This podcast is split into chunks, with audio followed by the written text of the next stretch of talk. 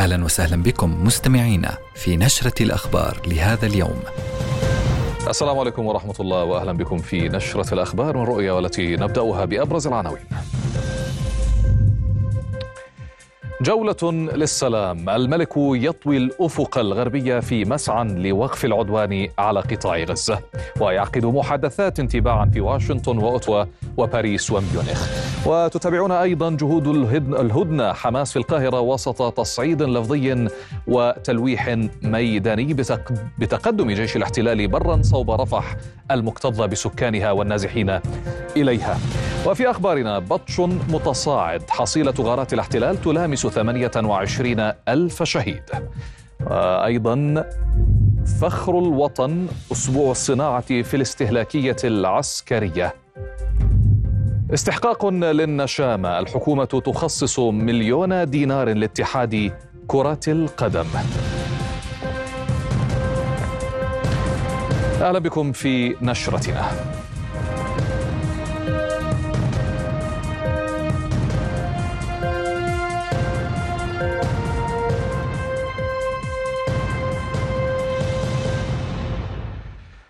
حياكم الله. بدأ جلالة الملك عبد الله الثاني جولة تشمل أربع دول في عواصم غربية هي واشنطن وأوتوا وباريس وبرلين. وتستهدف الجولة الملكية حشد الدعم الدولي من أجل وقف إطلاق النار بغزة وحماية المدنيين وتأمين المساعدات الإنسانية إلى القطاع بشكل دائم وكاف. كما تستهدف التأكيد على أهمية إيجاد أفق سياسي يقود إلى تسوية شاملة تنهي الصراع الفلسطيني الإسرائيلي. ويلتقي جلالته بواشنطن الرئيس الأمريكي جو بايدن وأركان الإدارة الأمريكية وعددا من أعضاء مجلسي الشيوخ والنواب بالكونغرس. وأعلن البيت الأبيض أن الرئيس جو بايدن يتطلع للقاء الملك الاثنين المقبل لتعزيز الشراكة بين البلدين في عيدها الخامس والسبعين وبحث أفق إقامة دولة فلسطينية. وفي أوتوا يلتقي جلالته رئيس الوزراء الكندي جاستن ترودو. ثم يجتمع في باريس مع الرئيس الفرنسي إيمانويل ماكرون قبل أن يلتقي كبار المسؤولين الغربيين والأوروبيين على هامش مشاركته بالدورة الستين لمؤتمر ميونخ للأمن. وأدى سمو الأمير فيصل بن الحسين اليمين الدستورية نائبا لجلالة الملك بحضور هيئة الوزارة. هذا وكان جلالة الملك قد رعى اليوم الاحتفال الديني بذكرى الإسراء والمعراج الشريفين في قصر الحسينية.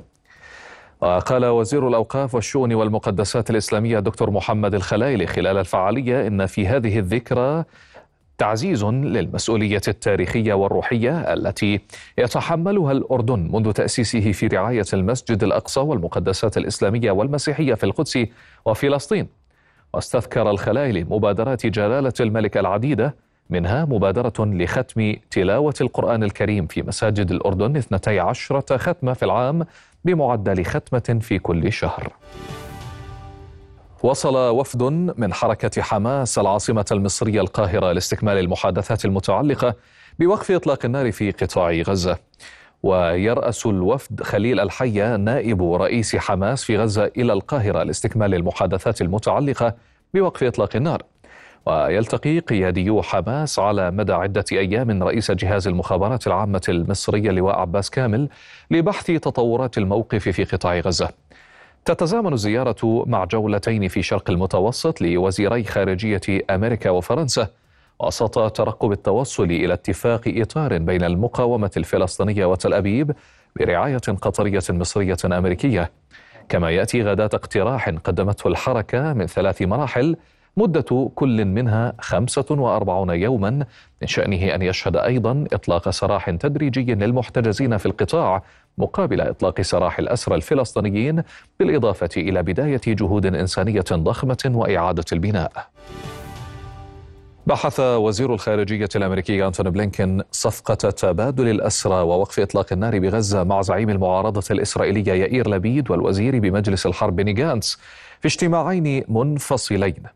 وعقب اللقاء نشر لبيد على منصة إكس أن لقاءه مع بلينكين تطرق لملف المفاوضات مع حركة حماس لإطلاق سراح الأسرى والحاجة الملحة للتوصل إلى تسوية سياسية في الشمال مع لبنان.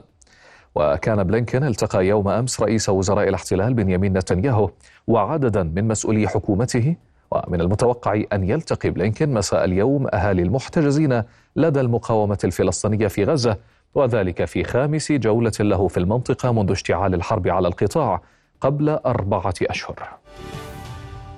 واصل جيش الاحتلال الإسرائيلي لليوم الخامس والعشرين بعد المئة غاراته العنيفة على مناطق متفرقة من القطاع مكثفا القصف بشكل خاص على رفح وخان يونس جنوبا ليسفر عن 130 شهيدا و170 جريحا في 15 مجزرة خلال آخر 24 ساعة.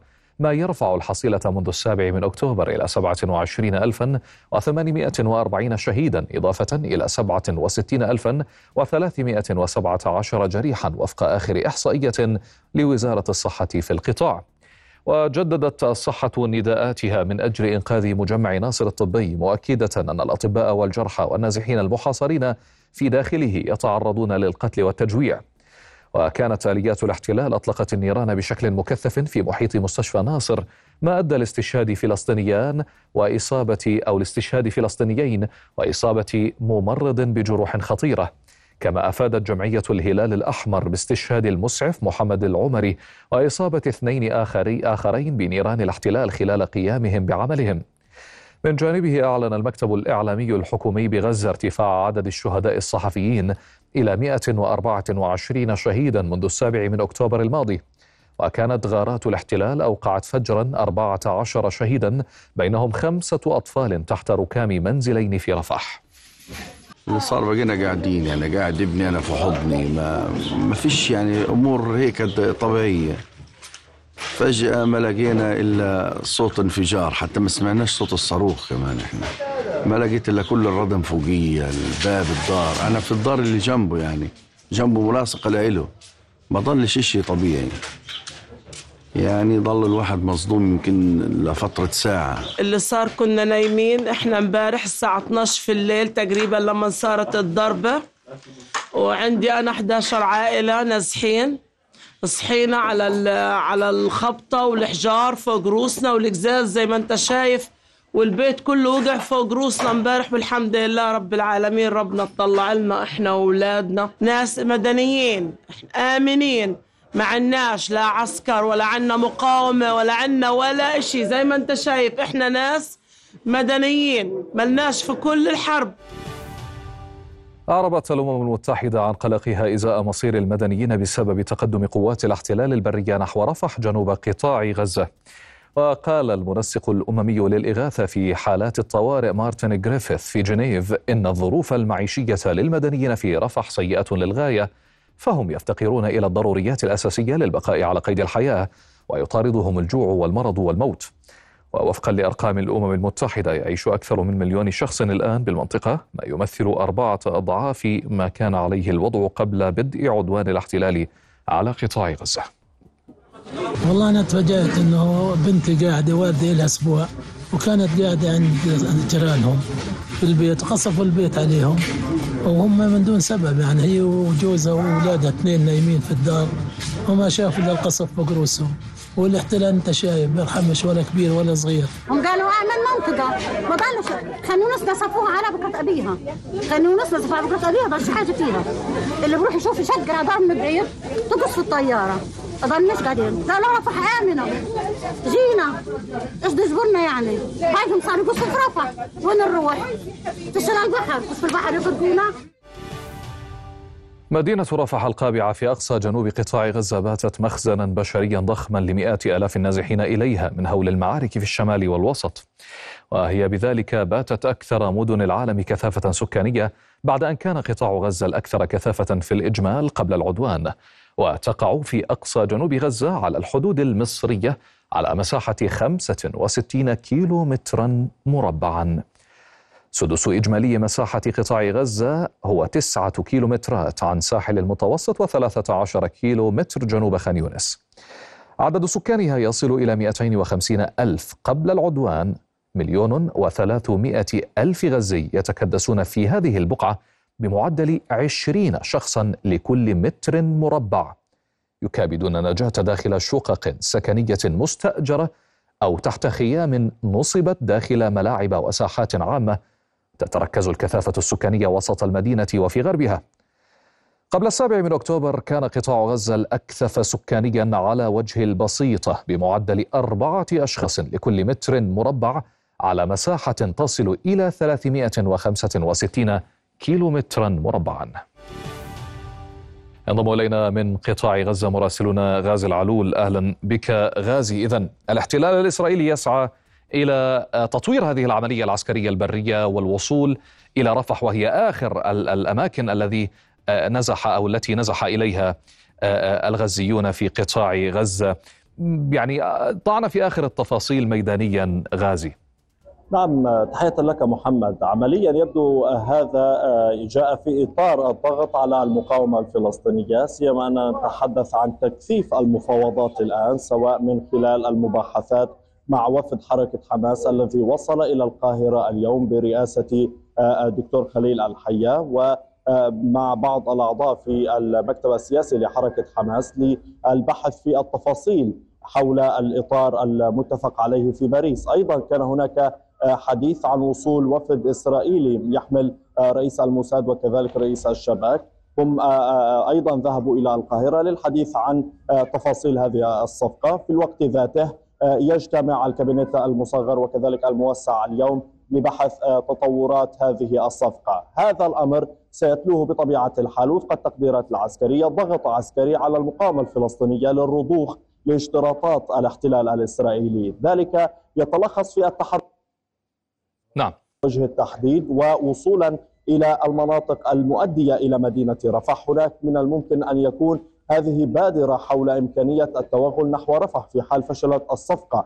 هذا أو هذه التحركات العسكرية يفهم منها أنها يريد بنيامين نتنياهو ووزراء الحرب معه أن يضغطوا على المقاومة الفلسطينية. أيضا يمكن الحديث عن الكثافة النارية التي بالفعل بتنا نشهدها منذ ثلاثة أيام هنا في رفح. قصف مستمر لا يتوقف. غالبيتها في المناطق التي ادعى الاحتلال أنها مناطق يعني آمنة مثل منطقة تل السلطان. هناك استهدف ثلاثة منازل استهداف سيارة أو في منطقة متزايد ومتنامي لدى الفلسطينيين حول إمكانية بالفعل دخول رفح بريا بالنسبة لهم. هذا بالفعل لما فشلت التي من المفترض تكثف خلال والأيام المقبلة إلى حل نهائي إلى هذه الحال طيب إذا تحدثنا غازي إذا كنت تسمعني يعني بالحديث عن القطاع الطبي الطبي أيضا كيف تبدو الأوضاع داخل المستشفيات وفي مجمع ناصر أيضا؟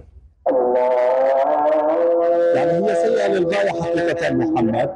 في مجمع ناصر الطبي هناك قلق لدى المنظومة الصحية خاصة وأن آليات الاحتلال تحاصر هذا المستشفى بالإضافة إلى مستشفى الأمل في خان يونس وكانت قد استهدفت هذه المباني الطبية بصورة مباشرة بالرصاص أيضا أعاقت حركة الإسعافات في محيط هذه المنطقة ولكن القلق الأكبر هو في رفح التي تحتوي على ثلاثة مستشفيات. هذه المستشفيات أبدا غير لمثل الطوارئ والحروب وغيرها وهو الامر الذي دفع المنظومة الصحية داخل مدينة رفح لعمل مستشفيات ميدانية لاستقبال عدد كبير من المرضى والمصابين هذا لأن الافتراضات تقول بأن هناك احتمالية لدخول رفح بريا. أشكرك غازي العلول مراسلنا من قطاع غزة كنت معنا. مع خوضها منذ يوم أمس اشتباكات ضارية مع جيش الاحتلال في جنوب وغرب مدينة غزة شمالا وفي خان يونس جنوبا جددت المقاومة الفلسطينية قصف مستوطنات ومواقع عسكرية للاحتلال برشقات صاروخية كما استهدفت تجمعا لجنود الاحتلال بصاروخ موجه شرق المحافظة الوسطى في القطاع. اشتبكت المقاومة وفق بيانها ظهرا مع قوة الاحتلال في محيط مفرق الصناعة مؤكدة وقوع أفرادها بين قتيل وجريح. كما أعلنت استهداف دبابة ميركافا بقذيفة الياسين في ذات الموقع.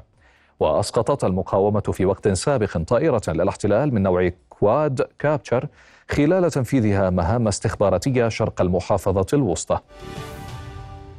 أعلن جيش الاحتلال الإسرائيلي سحب كتيبة المدفعية من القطاع بعد أشهر من القتال. سبقه إعلان سحب الكتيبة 271 التابعة لوحدة الهندسة القتالية بعد أسابيع من القتال في خان يونس. وفي سياق متصل أعلنت هيئة بث الاحتلال استقالة ضابط برتبة رائد في شعبة الاستخبارات بعد تحمله المسؤولية عن إخفاق السابع من أكتوبر. كما أشارت الهيئة إلى أن 54 جنديا أصيبوا بنيران صديقة منذ بدء الاجتياح البري لقطاع غزة. بزعم إطلاقه النار عليهم أعدمت قوات الاحتلال الإسرائيلية شابا فلسطينيا عند حاجز دير شرف غرب نابلس. وعقب العملية أغلقت قوات الاحتلال المنطقة وأعلنتها منطقة عسكرية ومنعت سيارات الإسعاف من الوصول إلى المكان. جزء من الانتشار المكثف لقوات الاحتلال الإسرائيلية في محيط حاجز دير شرف إلى الشمال الغربي من مدينة نابلس المحتلة.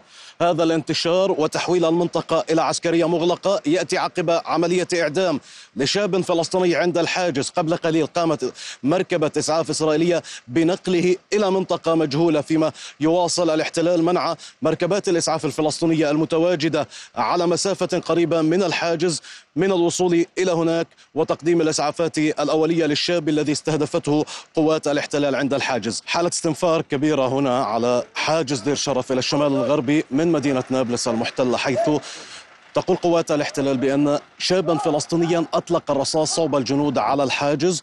ومن ثم أطلقوا صوبه الرصاص فقاموا بإعدامه ميدانيا بشكل كامل. بعد ذلك أعلنوا المنطقة عسكرية مغلقة وسط الدفع بتعزيزات عسكرية إلى هذا الموقع. أغلقوا الحاجز في وجه حركة المركبات الفلسطينية. تحدثنا مع أحد الشهود الذي شاهد بأم عينه بينما كان محتجزا على الحاجز. كنا رايحين على الشغل أنا وابن عمتي وأخوي. وكان حاجز وقفونا يعني أخذوا هوياتنا. فحصوا علي بيحكوا لي أنت خليك على جنب بدنا إياك حطوني على هذا كلبشوني ب بدي من ورا و... والجندي بلش يعني يضرب فيه من ورا يضرب فيه يقول لي أنت خليك على جنب أنت إرهابي مش إرهابي. حكيت له طيب. ليش بجوز الساعة صارت 10 10 وشوي لا طلعت صوت اطلاق نار من هنا. بلشوا الجنود شو؟ يطخوا عليه على الشاب اللي بعرفش بس مين هو مين اسمه مين هويته. بلشوا يطخوا عليه بكتافي يعني. أخوي كان بالسيارة وابن عمتي يعني. أطلق آه. وبلشوا جنود يطخوا عليه بشيء يعني واللي في أخوي يعني أخوي وبن عمتي ما لهمش دخل قاعدين بالسيارة يعني. بس بيستنوا بهوياتهم عشان هم ولا بجوز طخوا عليهم وفي احتمال إنهم اثنين متصوبين. واجى الجندي يعني من ردة الفعل أجى علي تطخني. لما أنا صرخت عليه لف البارود يعني بآخر ثواني طخ طخ خلص طخ علي يعني. فيش مجال ضايل نتف صغير بس. حتى اللحظه يدور الحديث عن استشهاد الشاب الذي استهدف الحاجز بإطلاق للرصاص. فيما هناك عدد من المصابين. بعضهم نقل إلى مستشفى رفيديا في مدينة نابلس وبعضهم اعتقلته قوات الاحتلال ونقلته إلى مشافي الداخل المحتل. فيما الشهيد قامت مركبة إسعاف إسرائيلية بنقل جثمانه من هذا الموقع إلى جهة مجهولة. من حاجز دير شرف شمال غرب نابلس المحتلة حافظ أبو صبرة. رؤية فجرت قوات الاحتلال فجر اليوم منزل الشهيد حسن خفيشة في مدينة الخليل جنوب الضفة الغربية. وكانت قوات الاحتلال معززة بعدد كبير من الآليات العسكرية قد اقتحمت الخليل في وقت متأخر من مساء أمس الأربعاء وحاصرت منزل الشهيد في منطقة حي الجامعة. وسبق أن هدمت قوات الاحتلال منزلي الشهيدين عبد القادر ونصر الله القواسمي قبل نحو شهر بعد تنفيذهما عملية عند حاجز النفق جنوب القدس المحتلة برفقة الشهيد حسن قفيشة وأدت لمقتل جندي إسرائيلي وإصابة سبعة آخرين. شيع فلسطينيون جثماني الشهيدين زياد دعمة وإسلام العلي اللذين ارتقيا يوم أمس في مخيم نور شمس شرق طول كرم وكان الشهيدان دعمة والعلي قد استشهدا بعد محاصرة قوات كبيرة من جيش الاحتلال منزل عائلة العلي في حارة الدمج وسط مخيم نور شمس. وإطلاقها قذائف إنيرجا والأعيرة النارية عليه وعلى محيطه بكثافة. وعمل الإضراب الشامل محافظة طول كرم بدعوة من القوى الوطنية والإسلامية حدادا على أرواح شهداء طول كرم والوطن. ومنذ السابع من تشرين الأول الماضي استشهد في طول كرم 76 فلسطينيا.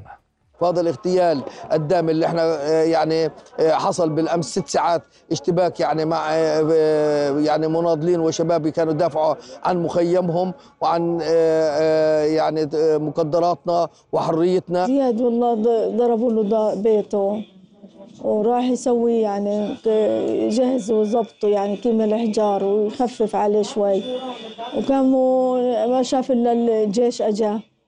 وهو بكى بطول كرم يعني وجاء ملوش ربع ساعة له بغته هو شرد بخاف يعني شرد منهم مش عامل إشي يعني ولا إشي إشارات بده. يروح كم أجوا ضربوه وطفوا عليه اعتقلت قوات الاحتلال الإسرائيلي عشرين فلسطينيا اليوم بينهم سيدة وأسرى سابقون خلال اقتحامها مناطق مختلفة في الضفة الغربية. وبحسب نادي الأسير الفلسطيني فإن قوات الاحتلال واصلت تنفيذ عمليات تنكيل واسعة واعتداءات بالضرب المبرح وتهديدات بحق المعتقلين وعائلاتهم إضافة إلى عمليات التخريب والتدمير الواسعة وبذلك ترتفع حصيلة الاعتقالات بعد السابع من تشرين الأول الماضي إلى أكثر من 6920 طالب العشرات خلال حراك أنقذوا الأسرى وتحت عنوان لن نستقبل أسرانا شهداء بالإفراج عن ذويهم الأسرى خاصة المرضى منهم وأصحاب الأحكام العالية. ومن اعتقلوا بعد السابع من أكتوبر ولا يعلمون عن وضعهم الصحي شيئا في ظل منع الاحتلال زيارات الأهالي والمحامين ومؤسسات الأسرى والتنكيل بالأسرى بالضرب والتعذيب. كل الأسرى على الدار! كل الأسرى على الدار! وكل الأسرى على الدار! بأي أمل متبق يتمسكون حتى لو كان ضئيلا؟ بحت حناجر أهالي الأسرى وهم ينادون في كافة الميادين أن أعيدوا لنا أبناءنا الأسرى ولكن ليس في أكفان. خرجوا اليوم يرددون لن نستقبل أسرانا شهداء. بعد أن ارتقى ستة أسرى في سجون الاحتلال جراء ممارساته الوحشية ضدهم من ضرب وتنكيل وحرمان من العلاج. أحد هؤلاء الأسرى لم تعرف هويته بعد. أنا زوجة الأسير زياد خضور قضى في السجون تقريبا 12 سنة ووالدة الأسير عز الدين خضور 18 سنة عمره يعني انسجن جديد بعد الحرب. وأخت الأسير أشرف شماسنا برضه يمكن قضى فوق الست سنوات بالسجون. أنا اليوم يعني بصراحة بدي أوصل رسالة لكل العالم إنه هاي المعتقلات صفت عن توابيت مغلقة. إحنا بصراحة مش رح ننتظر حتى لا سمح الله يروحونا أولادنا شهداء.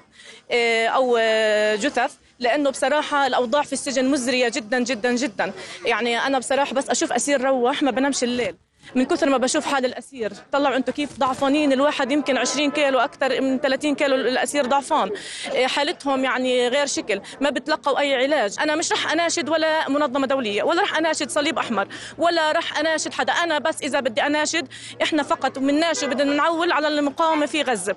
هي فقط من تملك الخيار لخروج الأسرى وتبييض السجون لأنه هي الورقة فقط الضاغطة والورقة الرابحة. اليوم تقترب بشرى هؤلاء الأهالي مع إعلان حركة حماس موافقتها مبدئيا على إطار صفقة تتضمن تحرير كافة الأسرى من الأطفال والأسيرات والمرضى من سجون الاحتلال إضافة ل 1500 أسير ثلثهم من ذوي الأحكام العالية والمؤبدات.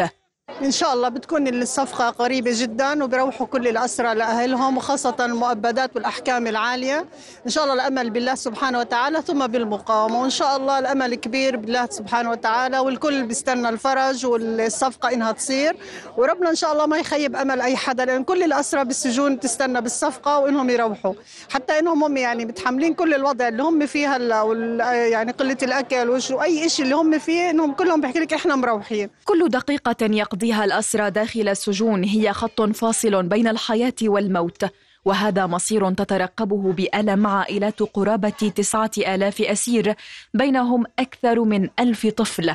أملهم الوحيد اليوم كما يقولون هو المقاومة وصفقة تبادل قادمة. من رام الله المحتلة أسيل سليمان رؤيا ذكرت مراسلة رؤيا أن مسيرة تابعة للاحتلال استهدفت سيارة مدنية على مدخل النبطية الشرقي وأنباء أولية عن مقتل عدد من عناصر حزب الله بينهم قائد الإقليم المسؤول عن إطلاق الصواريخ على مستوطنة كريات الشمونة هذا اليوم. وكانت وسائل إعلام أكدت إصابة ضابط وجنديين تابعين للاحتلال جراء استهداف مقاتلي حزب الله قاعدة عسكرية في كريات شمونة وكان الحزب أعلن عن استهدافه بالصواريخ ثكنة بالتابعة ثكنة برانيت التابعة للاحتلال في الجليل الأعلى. وبحسب ما تناقلته وسائل إعلام فإن مدفعية الاحتلال ردت بقصف بلدة كوفركيلا ومحيط بلدات العديسة وطير حرفة والجبين جنوب لبنان. وإلى النشرة الاقتصادية مع حمدان عائش مساء الخير حمدان. مساء الخير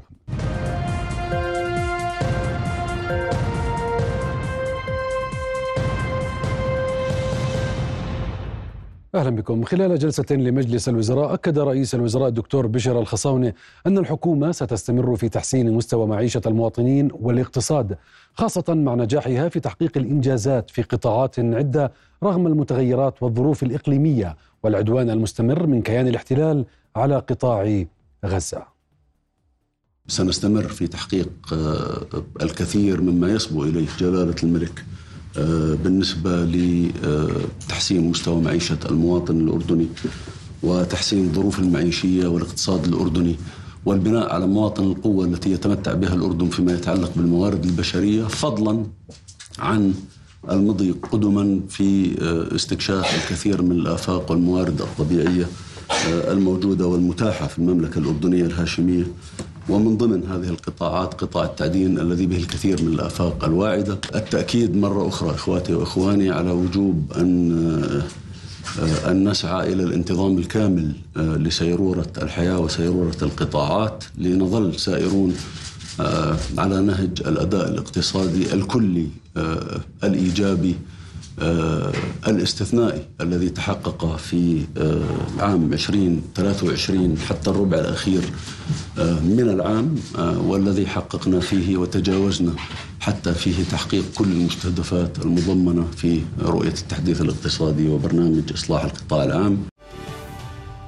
مع اقتراب شهر رمضان الفضيل ودعما للصناعة المحلية أطلقت اليوم فعاليات أسبوع الصناعة الأردنية في أسواق المؤسسة الاستهلاكية العسكرية. وستقدم ثلاثون شركة صناعية أردنية خلال هذا الأسبوع خصومات كبيرة على أكثر من 180 منتجا أردنيا من شتى القطاعات. وأهمها المنتجات الغذائية والمنظفات إلى جانب العروض المستمرة التي تقدمها الشركات الصناعية الأردنية على مدار العام. مدير عام المؤسسة العسكرية الاستهلاكية العقيد محمد الحديد قال إن 75% من إجمالي المنتجات في أسواق المؤسسة موردة من المصانع الأردنية لافتا إلى الإقبال المتزايد على المنتجات المحلية خلال الأشهر الماضية. ينبع أهمية هذا الموضوع من خلال آه، تعرفة المواطن وتسليط الضوء على المنتج المحلي ومدى جودة المنتج المحلي في السوق الأردني. فهذا واجب للمؤسسة الاستهلاكية العسكرية أن تقوم بالتعاون ما بينها وبين غرفة صناعة الأردن وعمان من أجل آه، تسليط الضوء على هذا المنتج اللي حقيقة أصبح يضاهي المنتجات العالمية. وخلال هذا الأسبوع راح يكون تخفيضات آه، إن شاء الله ملموسة للمواطن على جميع المنتجات اللي داخل داخل المعرض وعلى صعيد متصل وقعت الشركة الوطنية لتعبئة الرسول إحدى شركات مجموعة الصايغ اتفاقية مع المؤسسة الاستهلاكية المدنية لتزويد أسواق المؤسسة بسلة منتجات وطنية. وتهدف الاتفاقية لتعزيز موقع المنتج الوطني وتقديمه بأسعار تناسب مستوى دخل المواطن لإحلال المنتج المحلي بديلا عن المنتج الأجنبي. ويأتي توقيع الاتفاقية ضمن خطة مجموعة الصايغ للتوسع والانتشار في جميع المراكز التجارية في المملكة. رئيس مجلس إدارة مجموعة الصايغ ميشيل الصايغ أشاد في دور المؤسستين الاستهلاكيتين المدنية والعسكرية في ترويج الصناعات الوطنية وتسويقها للمستهلك وبأسعار منافسة. أنا بدي أحكي عن مؤسستين الحقيقة نفتخر فيهم اللي هي المؤسسة المدنية الاستهلاك المدنية والمؤسسة العسكرية كمان. الحقيقة يعني هدول عم بيغطوا بنسبة كبيرة جدا من السوق الأردني للمستهلك اللي دخله متواضع وبأسعار مناسبة جدا. الاتفاقية هاي طبعا مفيدة للطرفين خاصة إنها منتج محلي صناعة وطنية لا يوجد لها في الأردن أي مثيل نحن الوحيدين ننتج هذه المواد. وبنشكر جدا المؤسستين على تعاونهم معنا بإيجاد منتجاتنا في هذول السوقين خدمة للاقتصاد الوطني لأنه مصانعنا اللي بتنتج هاي المواد فيها مئات العاملين. وبالتالي التعاون بين القطاع الصناعي والقطاع التجاري بما فيه المؤسسات العسكرية والمدنية مهم جدا في خدمة المواطن والاقتصاد الوطني. جاء توقيع هذه الاتفاقية هذا اليوم في إطار سعي المؤسسة الهادف إلى توفير كافة احتياجات المواطنين ورغباتهم من مختلف السلع السلع والأصناف وأيضا جاء بهدف أيضا الدعم والمساهمه في دعم الصناعات الوطنية واليوم توقيعنا هذه الاتفاقية مع الشركة هذه الشركة الرائدة سيكون إضافة نوعية وقيمة مضافة لعمل المؤسسه وأيضا للمواطن الكريم. نحن اليوم بنقدم خدماتنا وهي صناعة الإيروسول، الإيروسول هو كل المواد المضغوطة بالغاز من جميع أنواع السبراي بنسميها.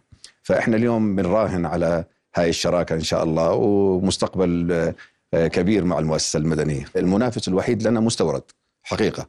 كمنتج وطني إحنا الوحيدين الموجودين كمنتج وطني وبنخدم شركات وطنية كمان بعمل علامات خاصة لهم يعني. فنحن موجودين بانفراد يعني خلينا نحكي بأسعار جدا جدا متوفرة لأيدي المستهلك. في الأسبوع الأول من شهر شباط الحالي سجلت أسعار البنزين بنوعيه ارتفاعا بنسبة 3% في الأسواق العالمية مقارنة مع معدلاتها في كانون الثاني الماضي فيما سجلت أسعار الكاز وزيت الوقود انخفاضا طفيفا وذلك بحسب النشرة الاسترشادية الأسبوعية التي تصدرها وزارة الطاقة والثروة المعدنية. اعتمدت هيئة تنظيم قطاع الطاقة والمعادن نظاما جديدا للرقابة الإشعاعية تزامنا مع الاحتفال بمرور 25 عاما على يوم الوفاء والبيعة وتسلم جلالة الملك عبد الله الثاني سلطاته الدستورية. رئيس مجلس مفوضي هيئة تنظيم قطاع الطاقة والمعادن المهندس زياد السعايدة قال إن النظام الجديد سيساعد الهيئة على تنفيذ دورها الرقابي بالتحكم في المصادر الإشعاعية باستخدام نظام إداري متكامل وينسجم اعتماد النظام الجديد مع معايير الأمان الصادرة عن الوكالة الدولية للطاقة الذرية ومدونة قواعد السلوك الخاصة بأمان المصادر المشعة وأمنها. وليكن الأردن من أوائل الدول باعتماد نظام معلومات الهيئات الرقابية التحكم الرقابي في المصادر المشعة. على وقع الانهيار الاقتصادي غير المسبوق في لبنان بات 80% من اللاجئين الفلسطينيين تحت خط الفقر ويعيشون في ظل ظروف إنسانية صعبة مع افتقار المخيمات لأبسط مقومات الحياة والخدمات الأساسية. وتزداد المعاناة لدى اللاجئين الفلسطينيين الذين وصلوا إلى لبنان بعد فرارهم من الحرب في سوريا منذ العام 2011 والمقدر عددهم بنحو 23 ألفا مع وقف الدعم الدولي لوكالة غوث وتشغيل اللاجئين الفلسطينيين.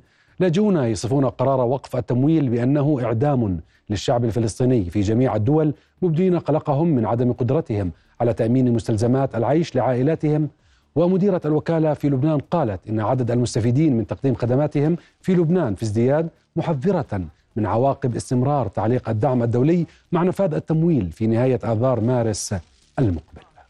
القصة مش بس شو اسمه في عندك طبابة في عندك آه، تعليم في عندك أكل وشرب عندك مستلزمات الحياة كلها كثير كثير صعبة وأنت شايف الظروف والوضع العمل وبالأخص إحنا الفلسطينيين بالذات عارف عند فرص العمل.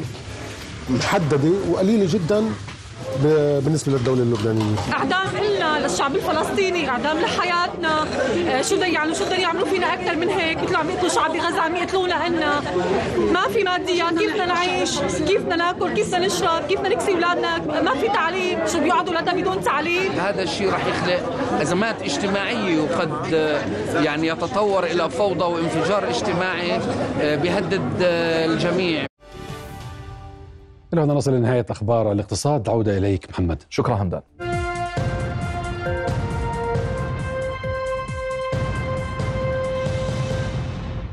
من جديد حياكم الله. أقر مجلس الوزراء اليوم نظاما معدلا لنظام صندوق دعم الطالب في الجامعات الرسمية لسنة 2024 ويأتي التعديل لغايات الحفاظ على المراكز القانونية التي تكونت للطلبة الموفدين في منح أو المستفيدين من قروض أو المسجلين في الجامعة قبل نفاذ أحكام نظام صندوق دعم الطالب في الجامعات الرسمية رقم 81 لسنة 2023 وبموجب التعديل سيتم تطبيق أحكام نظام صندوق دعم الطالب في الجامعات الأردنية الرسمية رقم 114 لسنة 2008 أو ثمانية عشرة والتعليمات الصادرة بمقتضاه على الطلبة الموفدين في منح أو المستفيدين من قروض أو المسجلين في الجامعة على أن تعمل الحكومة على إنجاز نظام جديد للصندوق يرتكز إلى توجيه الدعم إلى الطلبة المحتاجين.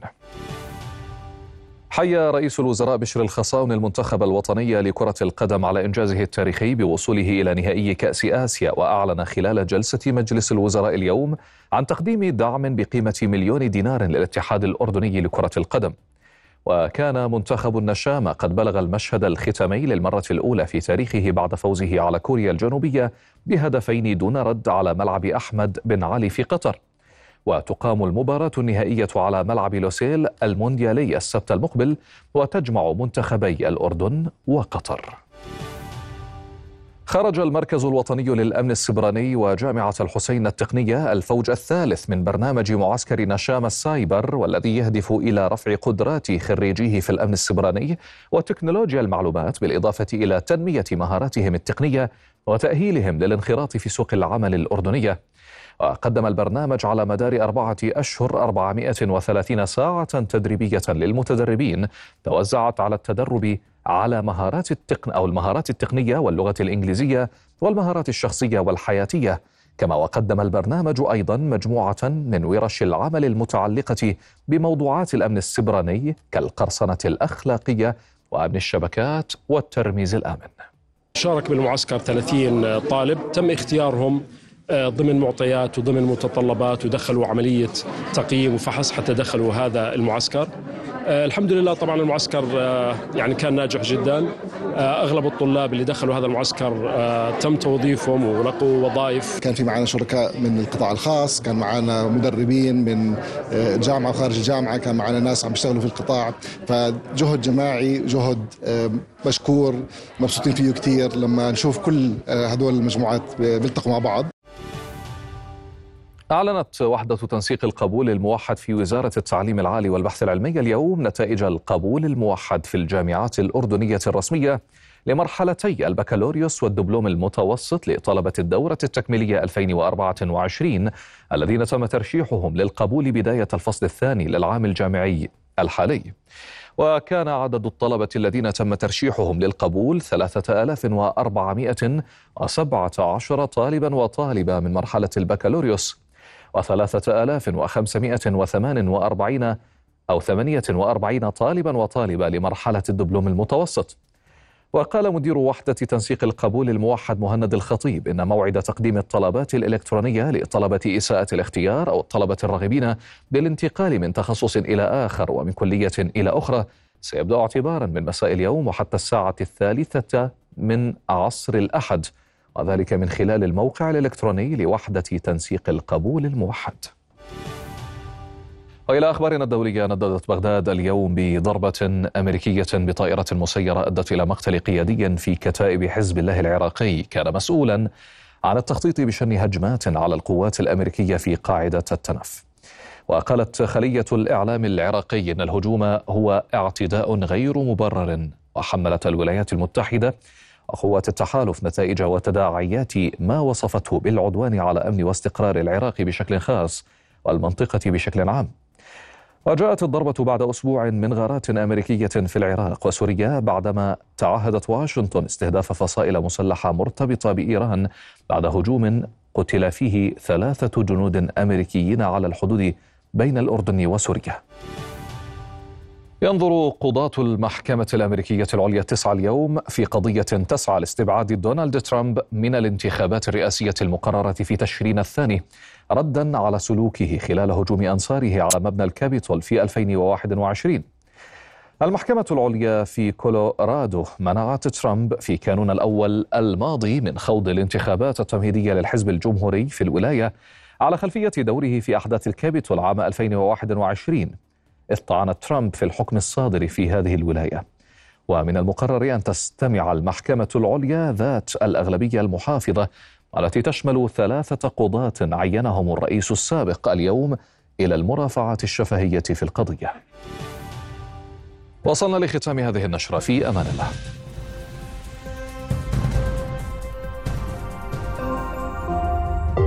رؤيا بودكاست.